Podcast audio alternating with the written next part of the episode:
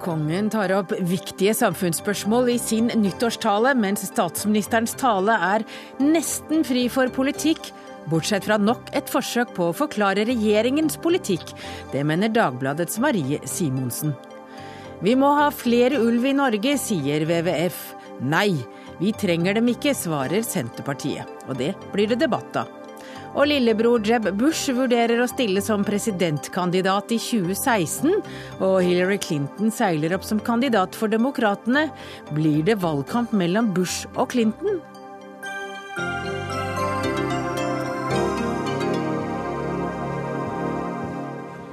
Ja, slik kan man spørre på årets første Dagsnytt 18. Velkommen skal dere være. Før sju rekker vi også innom Borgerlig Ungdom, som eh, skal slåss om en felles plattform. Og vi skal også markere at det er den store jobbbyttedagen i dag. Jeg heter Hege Holm. Vi mennesker er til for hverandre. Mors og fars kjærlige omsorg for sine barn.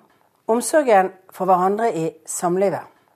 Naboens hjelpende hånd 2015 ligger foran oss. Nå har vi alle muligheten til å gjøre en forskjell. Du kan, med din vilje og kraft, gjøre en forskjell.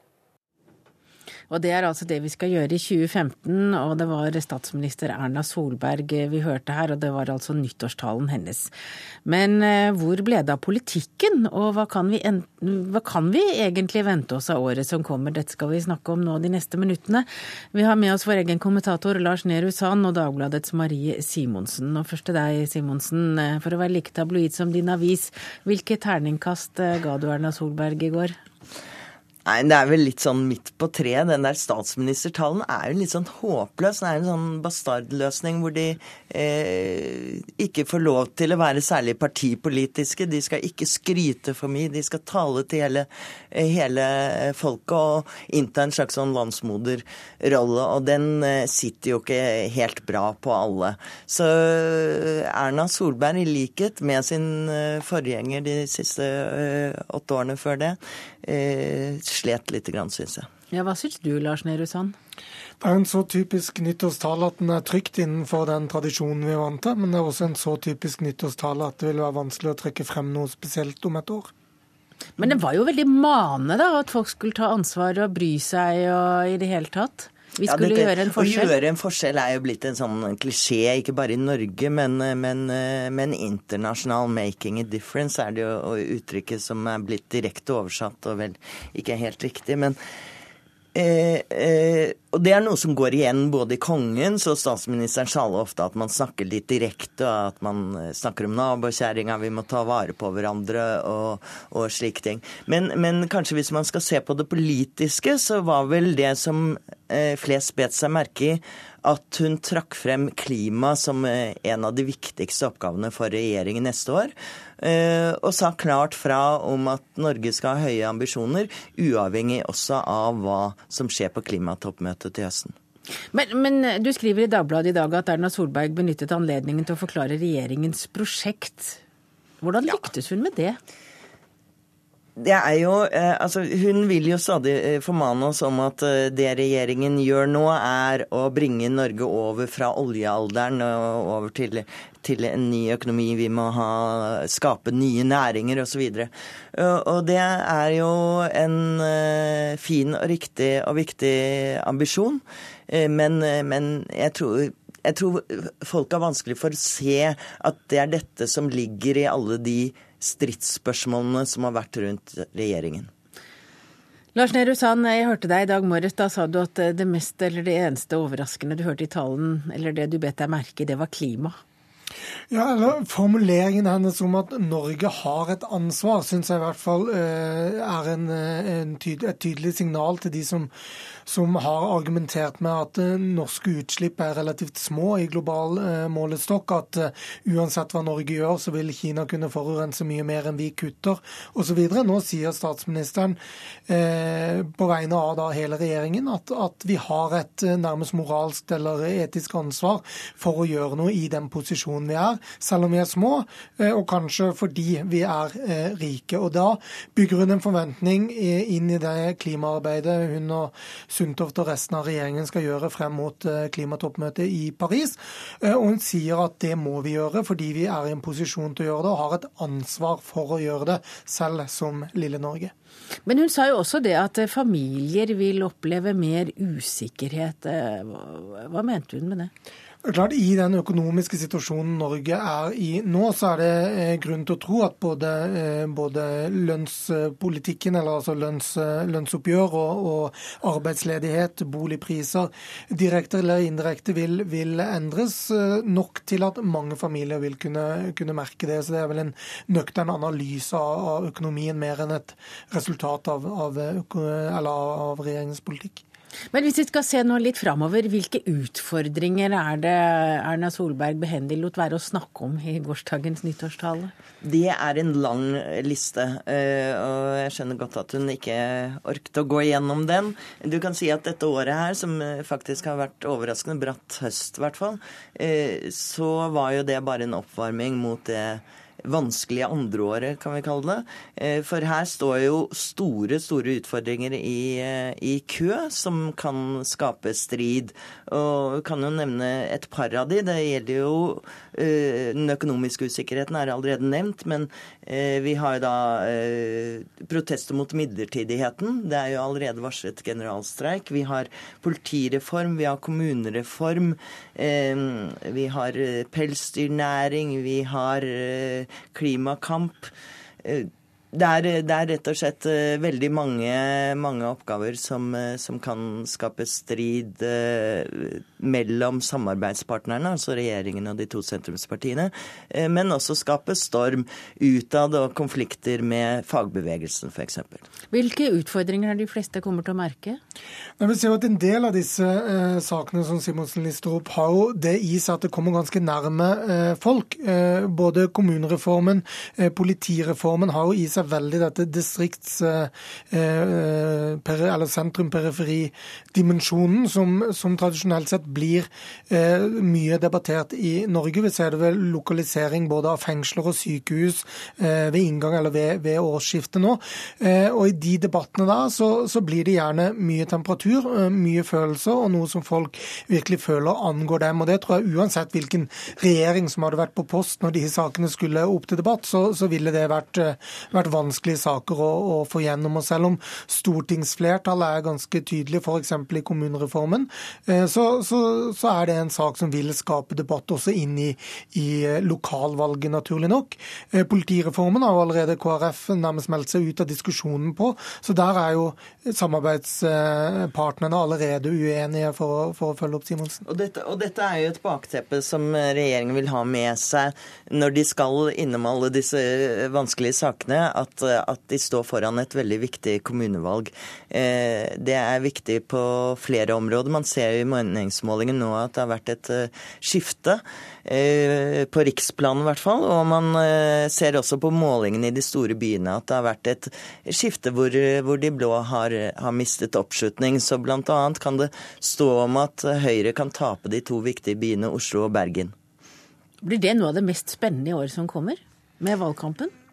Ja, det er, jo, det er jo Slaget om de store byene har i hvert fall Høyre og Arbeiderpartiet pekt seg ut som liksom den store fighten fremover. De må få et grep om de store byene hvis man skal også vinne på riksplan.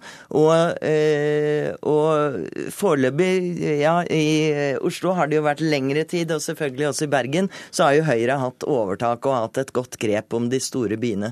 Så, men, men nå ser meningsmålingen ut til å snu lite grann. Og skal vi se inn i lokalvalget sånn rikspolitisk, så, så jo så vil det jo unektelig bli lest om en, en eh, stor meningsmåling på, på, hele regjeringsprosjektet, hvor oppslutning til eh, både Frp, men også Kristelig Folkeparti og Venstre vil være interessant. Og så er det også et, et skjebneår for SV, eh, om de i hele tatt skal klare å, å, i første rekke stille nok lister før en god nok valgkamp, men også komme over sperregrensen i hermetegn. Den vil jo ikke ha noe eh, mer enn symbolsk betydning inn i, i kommunevalget, men, men, også bli lest inn i, i den store eller lange valgkampen mot eh, 2017. Takk for at dere kom til Dagsnytt 18 i dag, Marie Simonsen og Lars Nehru Sand.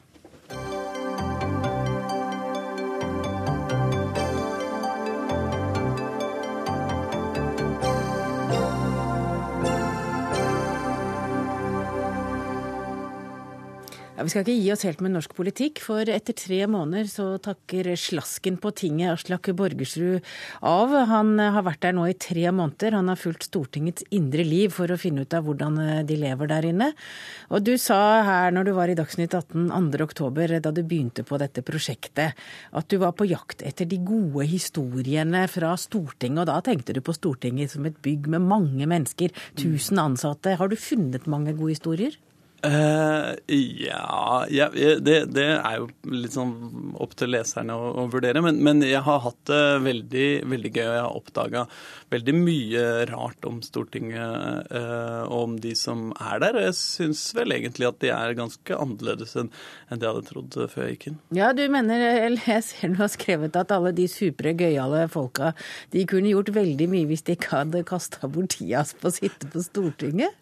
Hva ja, mener du med det?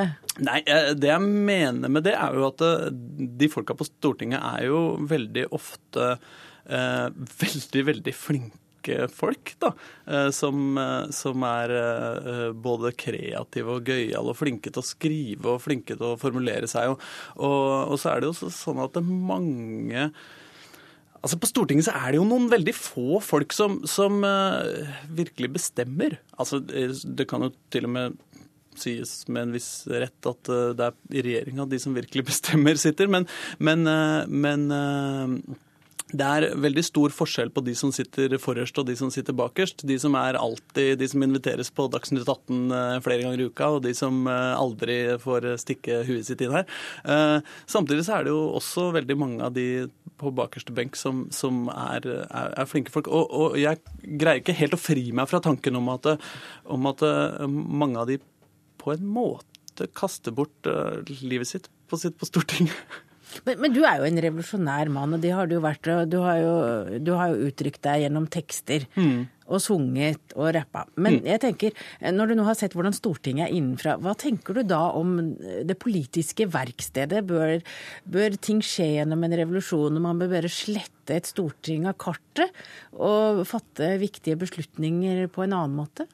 Det er jo veldig vanskelige spørsmål, det der. Det syns jeg. Og, jo, men etter tre måneder? Ja, etter tre måneder så, så, burde jeg kanskje greie å si noe, noe, fornuftig om det. Men jeg har ikke noe sånn veldig klart svar. Det er veldig mye på Stortinget som, som fungerer eh, bedre enn jeg hadde trodd. Eh, og, hvor, hvor, og, det er veldig mange av de folka som sitter på Stortinget som er mer enn jeg hadde trodd framstår eh, når jeg har blitt litt kjent med dem, som, som på en måte ærlige og oppriktige folk som, som på en måte gjør sitt beste for å, for å få verden eh, bedre. Eh, og så, så, oppfatter jo jeg kanskje at, det, at de ikke alltid lykkes så bra. At, at, begrensningene på dem er så store, og, og at, og at det er så mange andre krefter som, som, bestemmer. At sjøl om Hvilke Stortinget Hvilke krefter da? Nei, at du veit Det er at, eh, at, eh, ja, altså det svaret er at demokratiet tar for lang tid? Nei, ja, at du vet, det er penga som rår uansett. Eller eh, noe sånt. Men du sa også når du var her at du skulle snakke med sikkerhetsfolkene, rengjøringspersonale og kantineansatte for å få det store bildet. Har du gjort det? Jeg har prøvd. Jeg har med, jeg hadde en kjempegøyal og lang og intens prat med referentene, f.eks., som er en, en, fantastisk gjeng med språknerder. Jeg har snakka mye med, med, både folk som vasker gulvet og som, eh, og som lager maten og sånn, og, og supre folk som, som selvfølgelig har eh, lignende utfordringer i livet, sine som, som, oss andre. Eh, bare litt andre typer regler og, og forutsetninger. Um, så var det ikke Det var nok krefter på Stortinget som, som, ikke var så interessert at jeg skulle snakke for mye med folk som ikke var politisk eh, ansatt. Eh, så, det, så, det, var kanskje litt vanskeligere enn det jeg hadde håpa på å, å, komme inn på eh, Eh, en del av de andre gruppene der, da. Hva er det som har overraska deg mest de siste tre månedene? Eh, eh, en del enkeltpersoner har overraska meg. Eh, både eh, som politisk, altså hvem som er flinke i salen, hvem som eier debattene. Hvem er det? Som, eh, ja, hvem er det? Hvis jeg skal peke på noen få Det er, det er litt sånn jeg er jo, Det er heltene dine da, fra de tre månedene på tinget. Ja, ja, jeg kan ikke si heltene. Nei, men, men jeg syns at, jeg syns at uh, både i, i, Senterpartiet og Venstre var det folk som var veldig, veldig flinke til, til politikk, da. Uh, som, som, som overraska meg. Uh, og det er klart, jeg har jo noen ideer om, om hvem som om hvem som Altså folk som Trygve Slagsvold Veum f.eks. er en, en, fantastisk debattant i, i salen der. Så, så eier, han, eh, eier, han, rommet, og det går ikke an å ikke høre på når han snakker. Sammen med Snorre Valen i, i SV. En, en, en super eh, debattant som, som, du ikke greier å liksom sitte og tuller med noe annet mens snakker. Men mens veldig mange andre så, så, så, orker du liksom ikke å løfte blikket engang når du sitter på pressebenken, fordi at det bare kommer kjedelige ting ut om og om igjen. Du skal tilbake til journalistjobben din i Computerworld. Er det sånn at du vurderer å stille til valg i Nei, på ingen måte. Jeg, jeg, tror det, jeg, tror det, er litt farlig da, å bli for godt kjent med dem. Man, man begynner å like dem, og det er litt skremmende. Takk til deg, Aslak Borgersrud, for at du ville komme her og dele dine erfaringer fra tre måneder på tinget. Og du har altså blogget hele veien som slasken på tinget.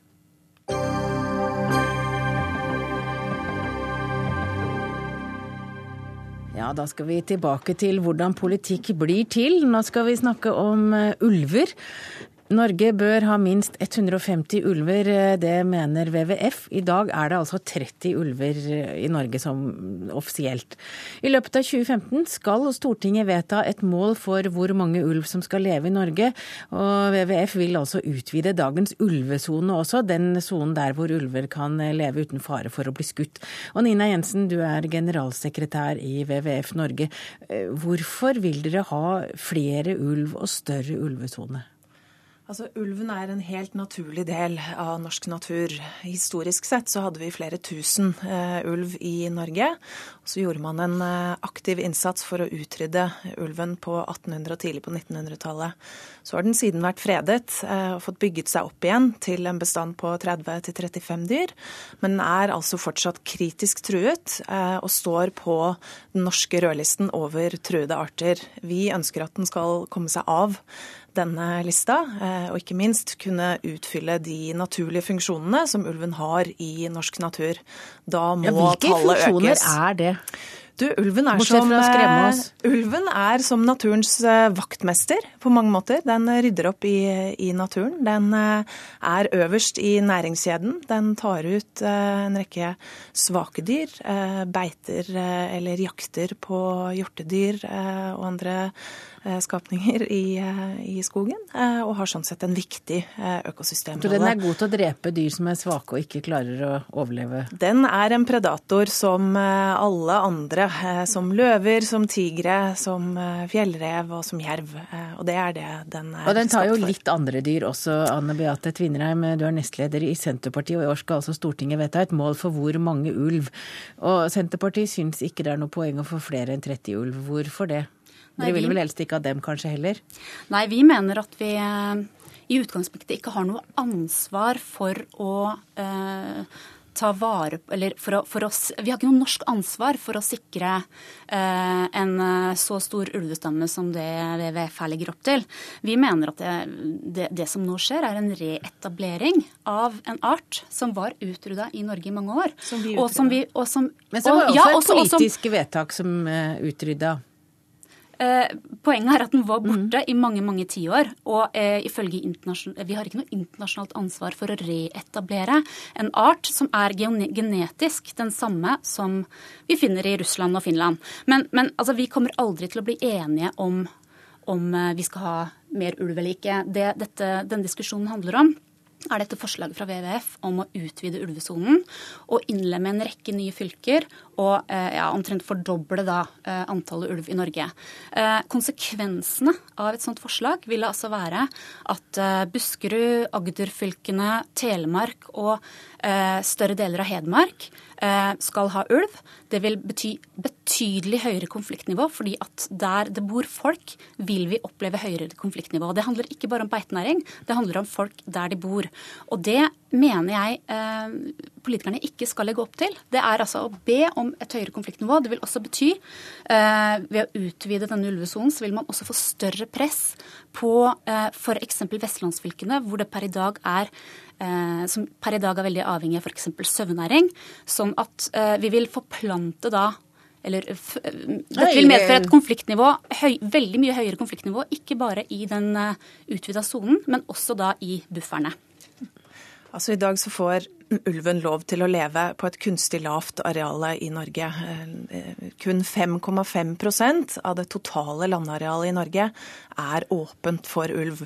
Er ulven så eh, modig eller dumdristig at den stikker eh, poten sin på andre siden av denne menneskeskapte sonen, så blir den umiddelbart skutt. Eh, vi mener at Norge er et stort og langstrakt land. Vi har plass til mer eh, natur, og vi har plass til mer rovdyr.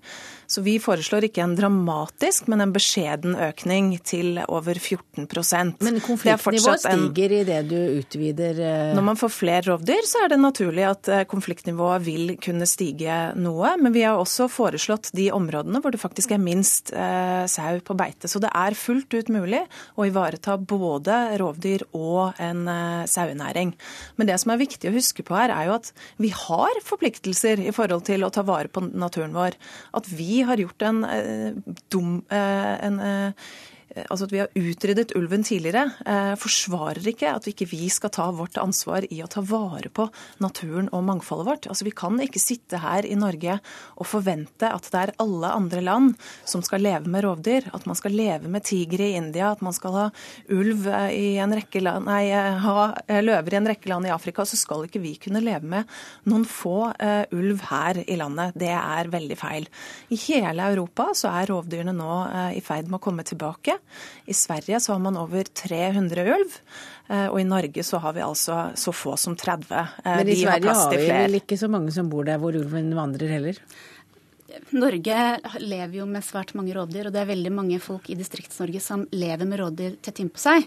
Eh, og, og, det skal vi fortsatt gjøre. Men jeg mener at vi burde heller snakke om en hensiktsmessig arbeidsdeling her. Jerv f.eks. Eh, der, eh, jerv er altså en art som har et særegent eh, genmateriale, hvor, hvor, du har på en måte en typisk norsk stamme. Der sier Senterpartiet det er helt naturlig at vi tar et større ansvar for jerven. Når det gjelder ulv, så er altså det en, en, en, art og en stamme som ikke er utrydningstrua. Dette genmaterialet finnes altså over hele Fennoskandinavia, og det er ingenting som tilsier at vi skal ta ansvar for å reetablere en levedyktig stamme i Norge. Og jeg, jeg, kunne, jeg har på følelsen at ulv har eh, blitt nærmest en sånn symbolsak for deler av miljøbevegelsen når det gjelder biologisk mangfold. Men altså, du kan godt snu på den flisa.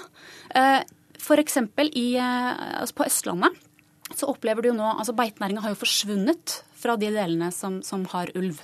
Eh, med, og Det medfører bl.a. massiv gjengroing av norsk kulturlandskap. Og i disse kulturlandskapene så lever altså 50, 35 av eh, de rødlista artene som Norge har forplikta seg til å ivareta. Det er det ingen som snakker om, eh, og det syns jeg er veldig frustrerende. Jeg kunne ønske at den biologiske mangfoldsdebatten kunne bli litt mer faktaorientert og bredere. Har ulven blitt et symbol? Det tror jeg absolutt. Og det fører jo til en åpenbart tilspisset konflikt når vi med så få som 30 ulv klarer å si at ulven utrydder beitenæringen i Norge. Altså Det blir helt absurd. Vi har en feilslått landbrukspolitikk, og det er klart vi har rom for å ha både eh, beitedyr og sau på, på, utmark i Norge. Og i de områdene hvor flest sauebruk er blitt lagt ned, det er altså ikke der tettheten av ulv er størst. Så dette er ikke en automatisk sammenheng. Men det er ingen tvil om at vi må se på også konfliktene som oppstår i møtet mellom ulv og eh, sau, og at man må finne bedre både konfliktdempende tiltak og ikke minst løsninger for at de kan leve sammen. Men da hjelper det vel ikke at dere foreslår å utvide arealet tre, Poenget her er at vi skal eh, Eh, ut, eh, altså oppfylle de uh, lovene som vi har. Vi har en naturmangfoldlov som sier at vi skal ivareta det norske naturmangfoldet. Vi har internasjonale konvensjoner som Bernkonvensjonen og Konvensjonen for biologisk mangfold, som sier at vi er forpliktet til å ta vare på naturen vår. Men hva den forpliktelsen inneholder, det er åpenbart at dere ikke blir enige om det her i studio. Takk til Nina Jensen og Anne Beate Tvinnereim.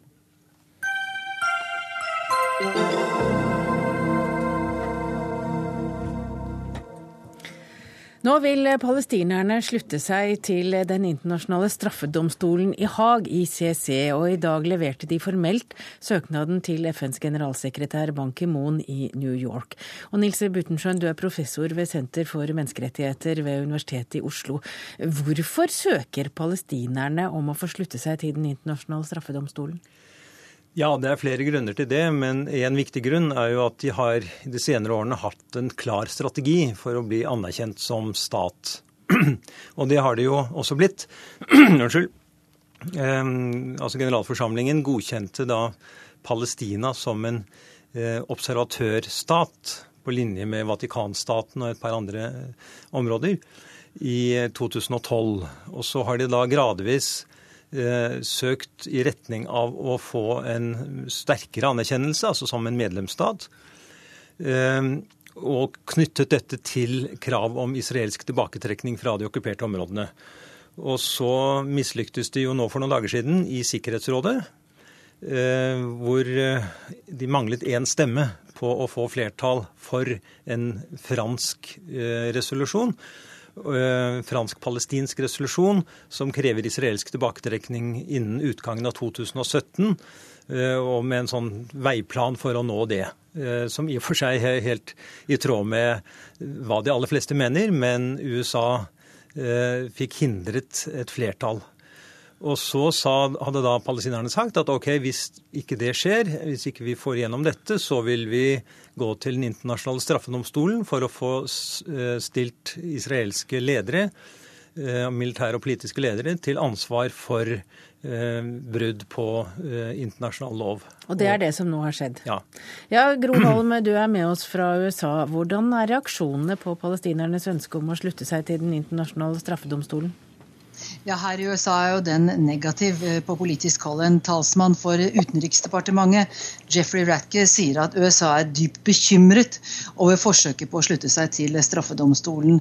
Det vil bidra til å skyve partene lenger fra hverandre, sier han. Og Utenriksminister John Kerry skal i private møter med palestinerne ha sagt at forsøkene på å slutte seg til ICC kan bety at den amerikanske støtten til de palestinske områdene står i fare. Og Det dreier seg om eh, i underkant av 500 millioner dollar, eller ca. 3,5 milliard norske kroner. Men, men hvorfor er amerikanerne så negative? Det er jo flere grunner til det. For det første så er jo den amerikanske grunnholdningen når det gjelder Israel-Palestina-konflikten eh, helt klar. De USA slutter seg alltid til det israelske synet, eller i hvert fall nesten alltid. For det andre så har jo verken Israel eller USA sluttet seg til straffedomstolen, som også eh, Buttensjøen var inne på. og Det ville jo innebære at disse landene godtok at domstolen kunne reise saker mot deres borgere, også mot deres soldater og forbrytelser de eh, måtte ha begått eller er mistenkt å ha begått i andre land. Og endelig så mener nok USA at dette bidrar til å låse fast konflikten på en måte som ikke kommer til å gi resultater. At israelerne vil gå i vranglås, og at spillerommet for å komme på banen med megling blir veldig lite. Eh, og at eh, Israel aldri selvfølgelig vil la noen av deres borgere eh, bli prøvd for straffedomstolen. De vil ikke samarbeide med straffedomstolen. Og dette argumentet om at det låser fast konflikten, er vel noe som det absolutt er noe i. Eh, kommer ikke til å, kommer ikke til å oppnå veldig mye annet enn å demonstrere at konflikten er eh, så dyp som den er. Ja, Botensjøen, hvor provoserende er det for Israel at palestinerne vil eh, bli medlem av ICC? Jo, det er provoserende fordi eh, det vil gjøre bl.a. at eh, israelske ledere, som eh, da kan være mistenkt for forbrytelser mot humanitærretten, ikke kan reise utenlands uten fare for å bli arrestert. Det har vi jo sett også tidligere eksempler på. Og dette vil jo være en propagandaseier for palestinerne hvis noe slikt skjer. Og Israelerne er svært uh, sårbare på dette som går på legitimering av eh, staten Israel og israelsk politikk. Så, så, sånn sett så er dette eh, provoserende. Og det er jo en kan du si, Denne konflikten foregår på mange plan, og dette planet her er veldig mye symbolpolitikk. Eh, for selv om nå Eh, Palestina skulle bli medlem av ICC, den internasjonale straffedomstolen, så vil det gå lang tid eh, om, eh, før en sak vil kunne bli reist. Og om den overhodet blir reist. For Israel er jo kjent for å ha veldig dyktige advokater som vil forsøke å hindre selvfølgelig at slike saker kommer opp. Så, men, men altså det, det, som er interessant, er at man har jo her som jeg sier, en kamp på mange nivåer. Vi har en kamp når det gjelder bosettingene. ikke sant? Og, og det området som palestinerne vil kjøre hardest på i forhold til Den internasjonale straffedomstolen, det er nettopp bosettingene. Å få de erklært ulovlige. Det er det i og for seg allerede, men altså få en domskjennelse på at disse, dom, at disse men, bosettingene men, men de har jo tidligere fått avslag fordi de ikke var en stat. Er det noen større sjanse for at de vil bli tatt opp nå? Ja, eh, det er det. Fordi de har altså eh, Palestinerne har nå tiltrådt eh, ca. 20 internasjonale konvensjoner innenfor humanitærretten og menneskerettigheter og andre konvensjoner. Eh, og dette har FN godkjent fordi eh, PLO, eller eh, Palestina, er nå anerkjent som en stat, selv om den ikke er medlem av FN. Så det er Slik sett så er Palestina kvalifisert for å bli medlem. Men enda så kan det være hindringer i veien, og, den, og straffedomstolen kan stille betingelser som gjør det vanskelig for palestinerne enda å få fullt medlemskap. Men dette, dette vil vi se hvordan utspiller seg. Vi hører jo at amerikanerne er svært negative, og det er jo Israel også. Men altså, som vi hørte tirsdag, så stemte FNs sikkerhetsråd ned et resolusjonsforslag med krav om israelsk tilbaketrekning fra de okkuperte palestinske områdene innen to år. Men altså 8 av 15 land støttet forslaget. Og Groholm, er det ting som tyder på at uh, ting er i ferd med å gå i palestinernes favør? Selv om de ikke fikk flertall? Ja, altså Det mest oppsiktsvekkende var jo kanskje her den franske, at Frankrike var eh, så, så, aktive når det gjaldt denne resolusjonen. Og Frankrikes ambassadør ble da også innkalt på teppet til Israels utenriksdepartement etter dette, med en kraftig protest. Eh, på den ene siden så kan man si at ja, det beveger seg i palestinsk retning. Sverige har anerkjent den palestinske staten, og flere lands nasjonalforsamlinger, bl.a. den britiske og den franske, har oppfordret sine regjeringer til å gjøre det samme. Men det er jo da også slik sånn at det i praksis praksis. Eh, for den palestinske befolkningen får ikke dette så store konsekvenser så lenge Israel har full støtte fra USA i Sikkerhetsrådet og i andre internasjonale sammenhenger. Eh, de får militærstøtte som de har gjort tidligere, og de får politisk støtte når det, når det er, trengs som mest. Eh, og selv om vi vet at eh, holdningene til den israelske regjeringen både fra utenriksminister Kerry og president Obama nok er mer kritisk enn den har vært under tidligere administrasjoner her, så når det virkelig gjelder, så får de den støtten de trenger. Takk til deg, Gro Holm, korrespondent for NRK, Nils Buttensjøen, professor ved Senter for menneskerettigheter ved Universitetet i Oslo.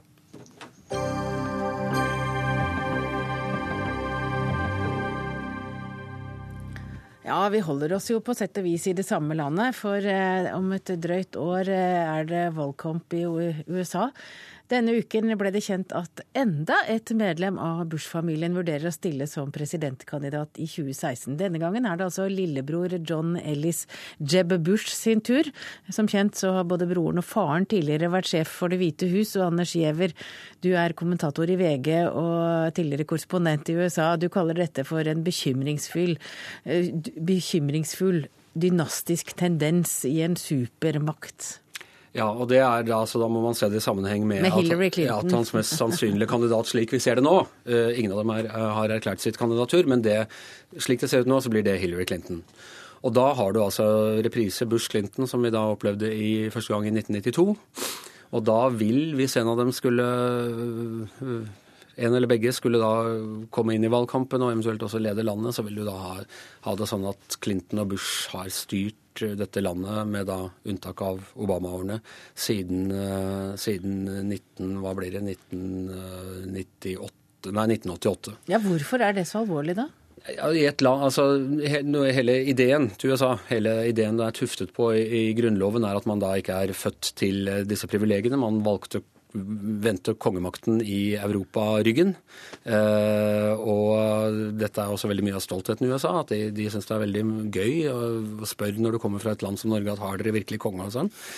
Eh, men når, de da, eh, når, det da utvikler seg sånne dynastiske tendenser som du har sett tidligere også med, med Kennedy og med Rooseveltene, så blir jo det noe av det samme. Altså at man veksler litt mellom, eh, mellom to familier. Da går eh, konstitusjonell makt til en viss grad eh, i arv. Og det vil etter hvert være sånn at de som det koster mye å, å holde valgkamp i USA, og man satser på de tryggere kortene og de merkevarenavnene. Hillary vet vi jo ganske mye om, men hvem er denne Jeb? Ja, Det er altså lillebroren til, eh, til, George. Han har eh, i sin tid, jeg husker første gang jeg leste om han, så var han regna som en mer konservativ eh, variant av sin lillebror, og, og omtalt seg selv som en headbanging conservative. Men dette er lenge siden, og det republikanske partiet har gått langt til høyre siden den gang, med trukket av Tea Party. Så han er nok i republikansk sammenheng en ganske moderat Eh, politiker. Og han har vært guvernør i Florida, som er en stat eh, som ligger sånn veldig på vippepunktet mellom demokrater og republikanere, som da gjør at guvernøren gjerne er eh, mer liberal. Og han er godt kvalifisert formelt sett til å være president når du har styrt en så stor og folkerik stat som eh, Eh, som Florida, har vært guvernør, som er en sånn veldig kvalifiserende jobb til å være president, så, så har du alle formaliaene i orden, i hvert fall. Er det navnet som gjør at republikanerne vurderer han? Eh, navnet gjør i hvert fall at interessen for han Jeg, jeg, jeg er usikker på, på, hvor eh, populær han vil være blant republikanerne som sådan, men det gjør at vi i mediene selvfølgelig interesserer. Han får masse gratis Eh, oppmerksomhet. Eh, og så er det jo nettopp det, altså når man ikke har en kongefamilie, så har man jo en tendens eh, til å lage seg kongefamilien. Det står en egen da mystikk rundt Bush-navnet for de konservative, slik det gjorde rundt Kennedy-navnet og Clinton-navnet. Og de har nok klart å bli presidenter, både far og sønn tidligere. De har klart det. Og... Men hvor sannsynlig er det? Nei, Bortsett altså, fra at det er gøy å snakke om på radio. Det er, altså, det er slett ikke usannsynlig. Det er det ikke, men et presidentvalg er et veldig langt løp. Nå er det snaut to år til selve valget. altså På dette tidspunktet i 1991 så hadde ingen her i Norge hørt om Bill Clinton. Eh, da, da han eh, vant eh, valget drøye halvannet år, år, senere. Så mange ting kan skje, og, og, særlig på den republikanske siden, som da er splittet mellom uh, forskjellige fraksjoner og, og, de konservative. Men akkurat her og nå så ville jeg satt pengene mine på, på Jeb Bush. Takk for det, Anders Giæver, kommentator i VG.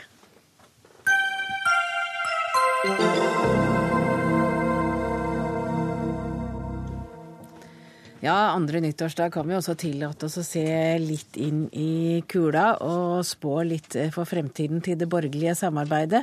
Nå etterlyser lederen av Unge Venstre en felles visjon som binder de borgerlige partiene sammen. Uh, uten et felles prosjekt er den borgerlige siden i Norge like fortapt som den rød-grønne regjeringen i Sverige, skriver du i en kronikk i Aftenposten, Tord Hustveit. Du er leder i Unge Venstre.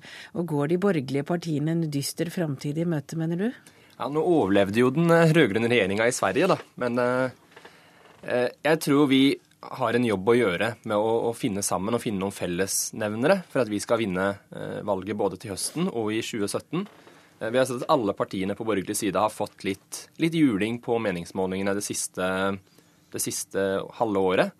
Eh, og jeg tror det vi mangler nå, er en felles visjon om hvor vi ønsker å ta Norge. For vi blei jo samla sånn, med en sånn felles fiende, som var den rød-grønne regjeringa. Eh, og nå har vi makt, og nå må vi vise at vi skal bruke den makta på noe. For jeg mener det er mange ting som eh, mange ting som må gjøres i Norge, og mange av de løsningene på de problemene vi står utenfor, den mener jeg vi har da i sentrum høyre i norsk politikk. Men hva er det som skal samle dere? Nei, Jeg mener jo at eh, noen ting som Erna Solberg tok jo opp noe i sin tale, statsministerens tale, som handler om å gjøre Norge rusta til fremtiden. Vi må gjennomføre noen vanskelige reformer i åra som kommer.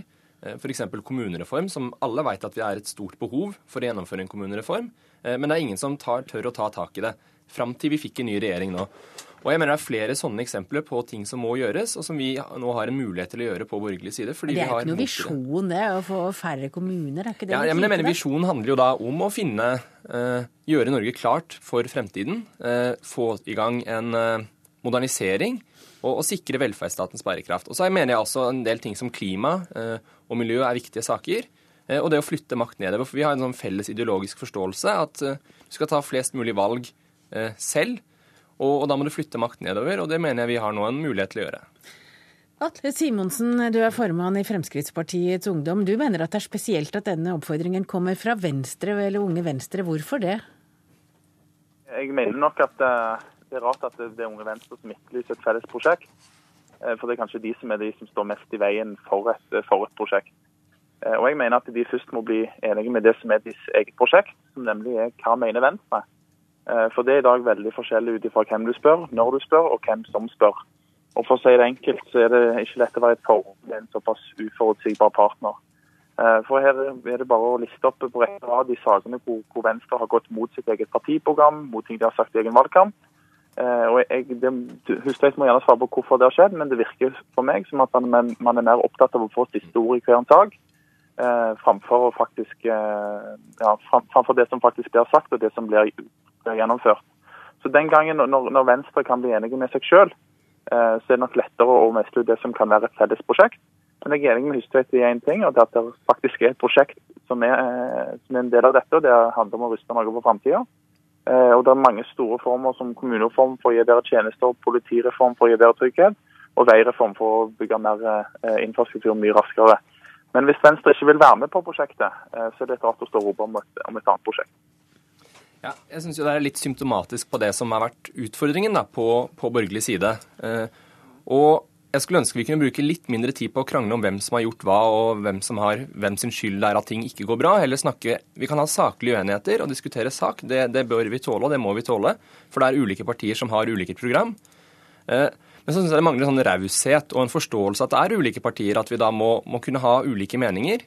Eh, og skulle ønske at vi kunne ha en saklig debatt om, om sak, og ikke om hvem som vingler og hvem som ikke gjør hva. For jeg kunne jo komme med en samme liste da med regjeringa. Ja, Kristian Tonning Riise, du er leder i Unge Høyre. Hva tenker du om eh, samarbeidet? Jeg syns det egentlig har vært veldig bra oppspill fra, fra Tord. Og, men jeg tror det er viktig å måte, ha i mente at det å få til det borgerlige samarbeidet er jo et, et, felles eh, ansvar. Og det er på en måte et ansvar som både regjeringspartiene må bære, men som også KrF og, og Venstre må bære.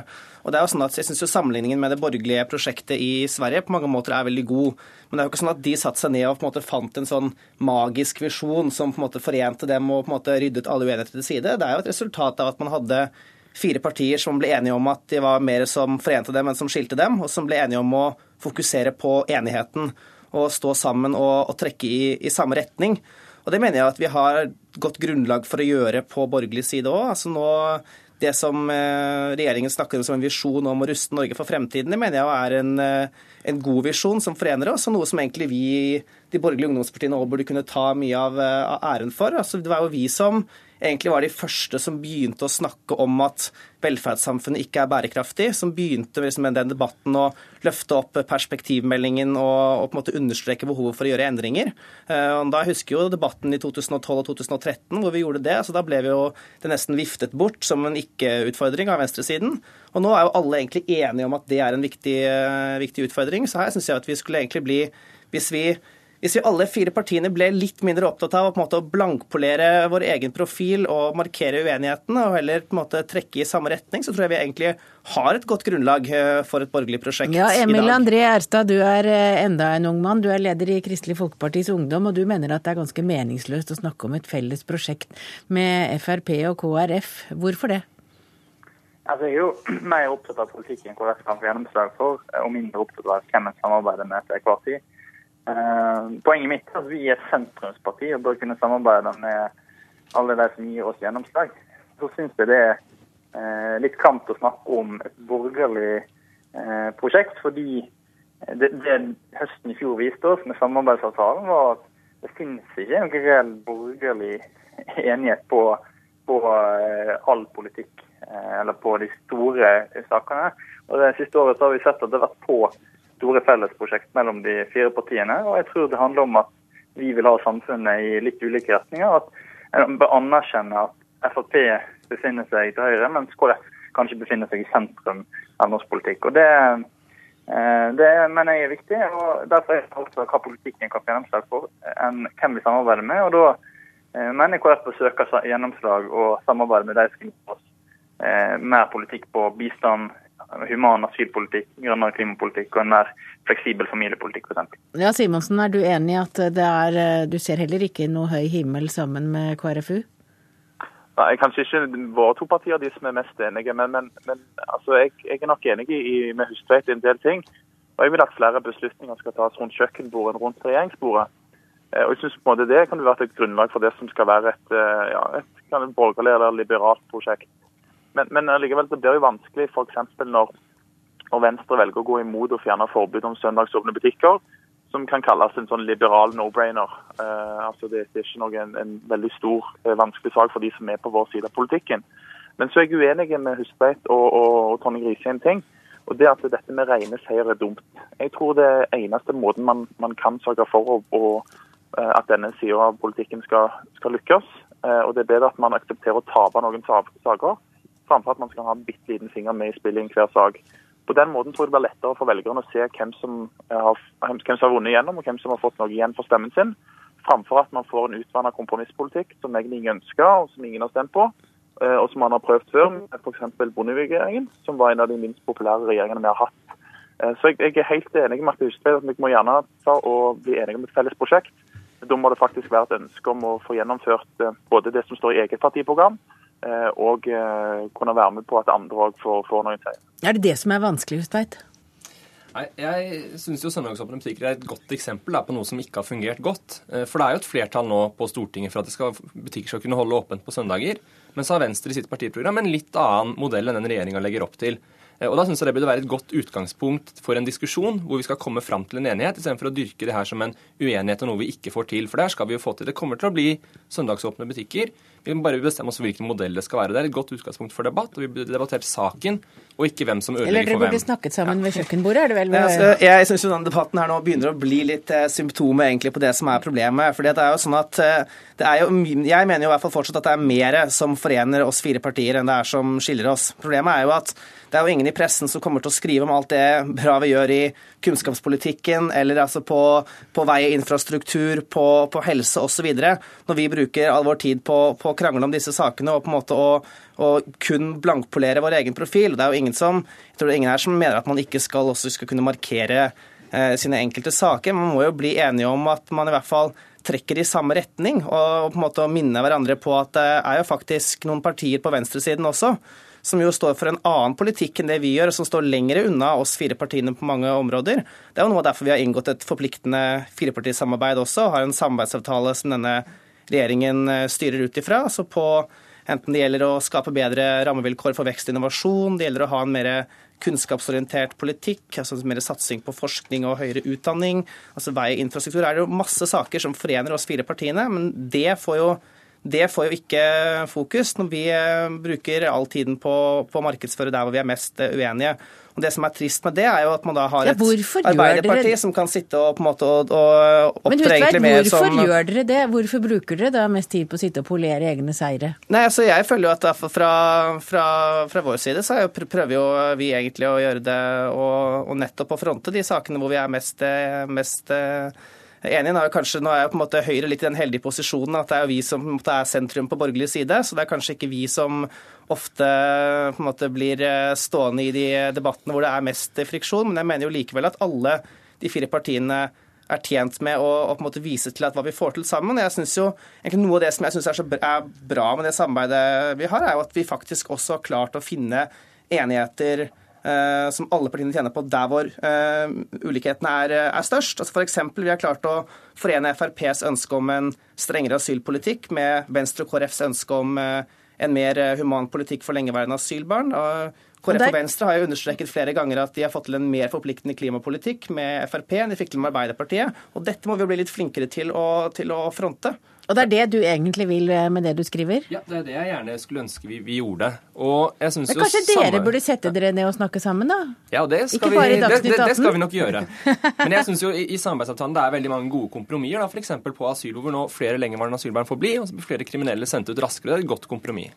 Men politikk består jo av saker, og det er sakene som skiller partiene, og derfor er det jo ikke enkelt. Men dere har en jobb å gjøre, og dere er unge, og dere har lang tid foran dere. Takk for at dere kom til Dagsnytt 18. Tord Hustveit, leder i Unge Venstre, Kristian Tonning Riise, leder i Unge Høyre, Emil André Erstad, leder i KrF, og Atle Simonsen, formann for Fremskrittspartiets Ungdom.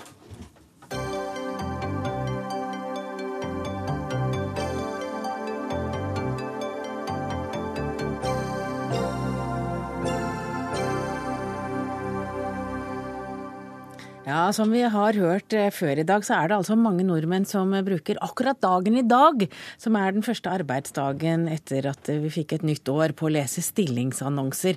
Omtrent én av ti nordmenn leser stillingsannonser i løpet av dagen og vurderer om de skal bytte jobb. Eh, men i dag er det altså 14% færre utlyste ledige stillinger enn det var ved forrige årsskifte. Det viser tall fra rubrikk.no. Det blir mange flere som konkurrerer om de ledige jobbene som finnes. Og Arild Henrik Steen, du er instituttdirektør for Arbeidsforskningsinstituttet ved Høgskolen i Oslo og Akershus. Hvorfor har det blitt så mye som 14 færre stillinger? Ja, det har jo noe med oppbremsingen i norsk økonomi Eh, å gjøre. Og den økte usikkerheten som eh, eh, fallet i oljeprisene har medført. Så blir flere usikre, og flere arbeidsgivere teller på knappene om skal jeg tørre å lyse ut flere stillinger, skal jeg ansette flere nå, eller skal jeg vente litt og se hvordan markedet utvikler seg. Hvilke sektorer er det som har hardest rammet? Ja, Det er uh, først og fremst de som er direkte berørt av oljesektoren og investeringene på, i oljesektoren. Men det er også andre sektorer som kan bli smittet av den usikkerheten. Ja, for Hvis man er litt usikker på framtiden, så er det vel det å ansette nye mennesker litt skummelt? Det kan være litt skummelt. Og samtidig så kan det, det, det, det også skje at uh, når arbeidstakerne også blir usikre på om de får seg en ny jobb, så uh, sier de heller ikke opp, og dermed så lyses det også ut færre. Sånn at mobiliteten i arbeidsmarkedet synker ved økt usikkerhet. Både arbeidstakere og arbeidsgivere blir mer usikre. Er det noen som kan gjøres for å hindre akkurat den utviklingen? Ja, øh, først og fremst så er det jo viktig å ha for seg at tilstanden i norsk økonomi egentlig er ganske god.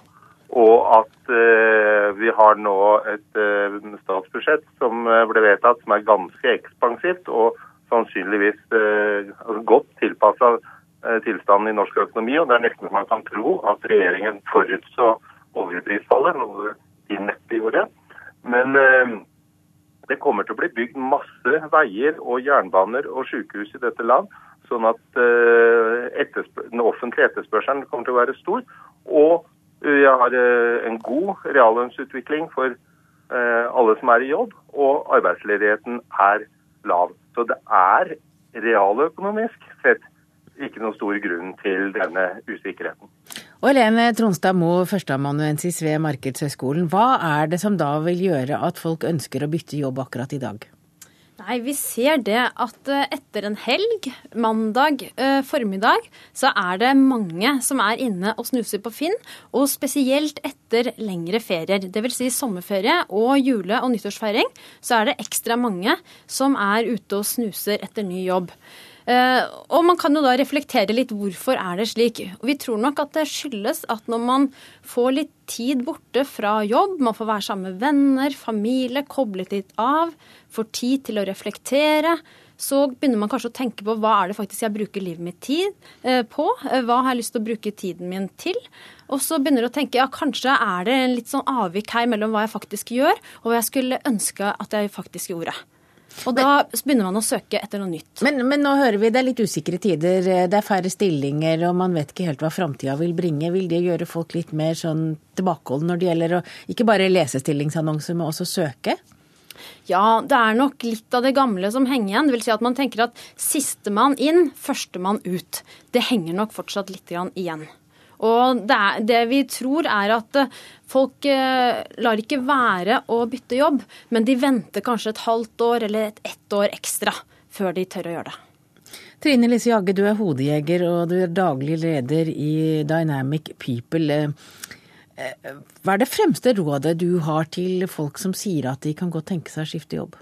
Eh, det aller fremste rådet som jeg tenker er viktig at alle reflekterer over, det er jo øh, hva er det jeg er skikkelig god på? Det opplever jeg som hodejeger. Det spørsmålet stiller jeg ofte.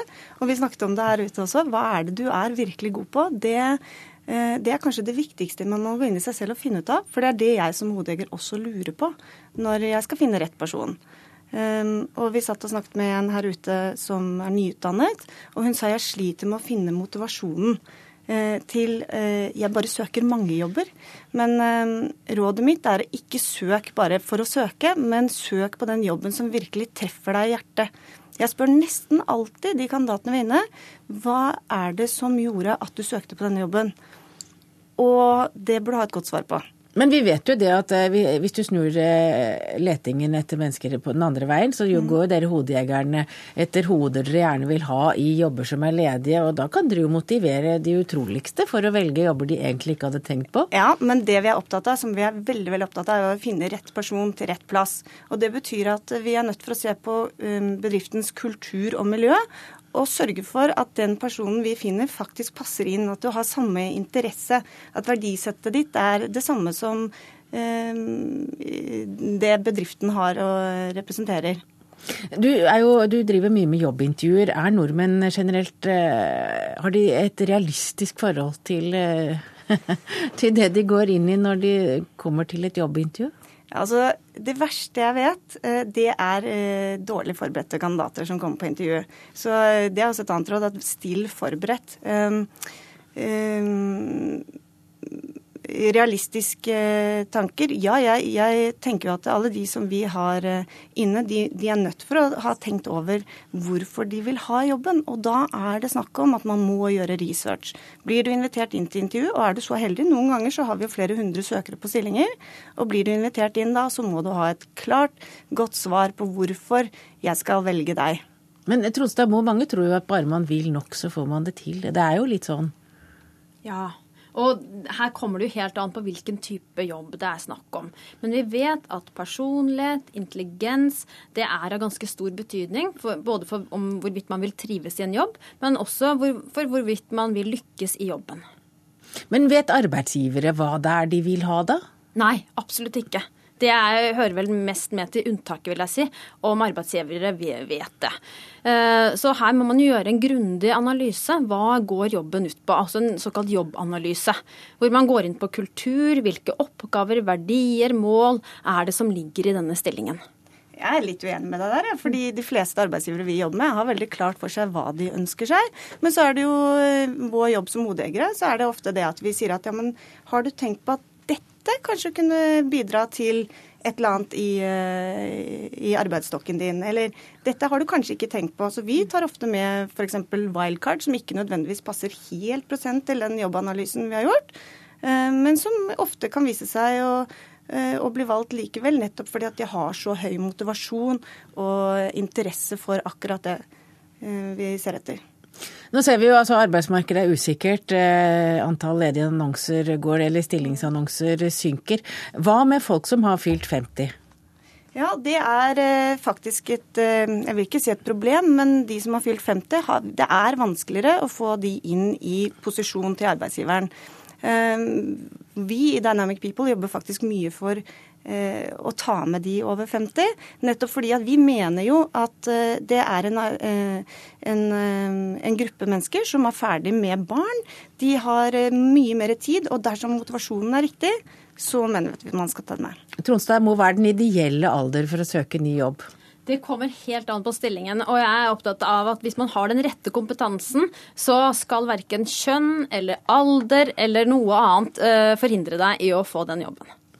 Takk for at dere ville bruke andre nyttårsdag eh, ettermiddag på å komme hit til Dagsnytt 18. Helene Tronstad Moe, førsteamanuensis ved Markedshøgskolen, Trine Lise Jagge, hodejeger og daglig leder i Dynamic People, og Arild Henrik Steen, instituttdirektør ved Arbeidsforskningsinstituttet AFI. Og da er denne første sendinga i det nye året slutt. Ansvarlig var Berit Ytterhus, det tekniske ansvaret hadde Finn Lie, jeg heter Hege Holm, og vi møtes igjen på mandag. Ha en riktig god helg.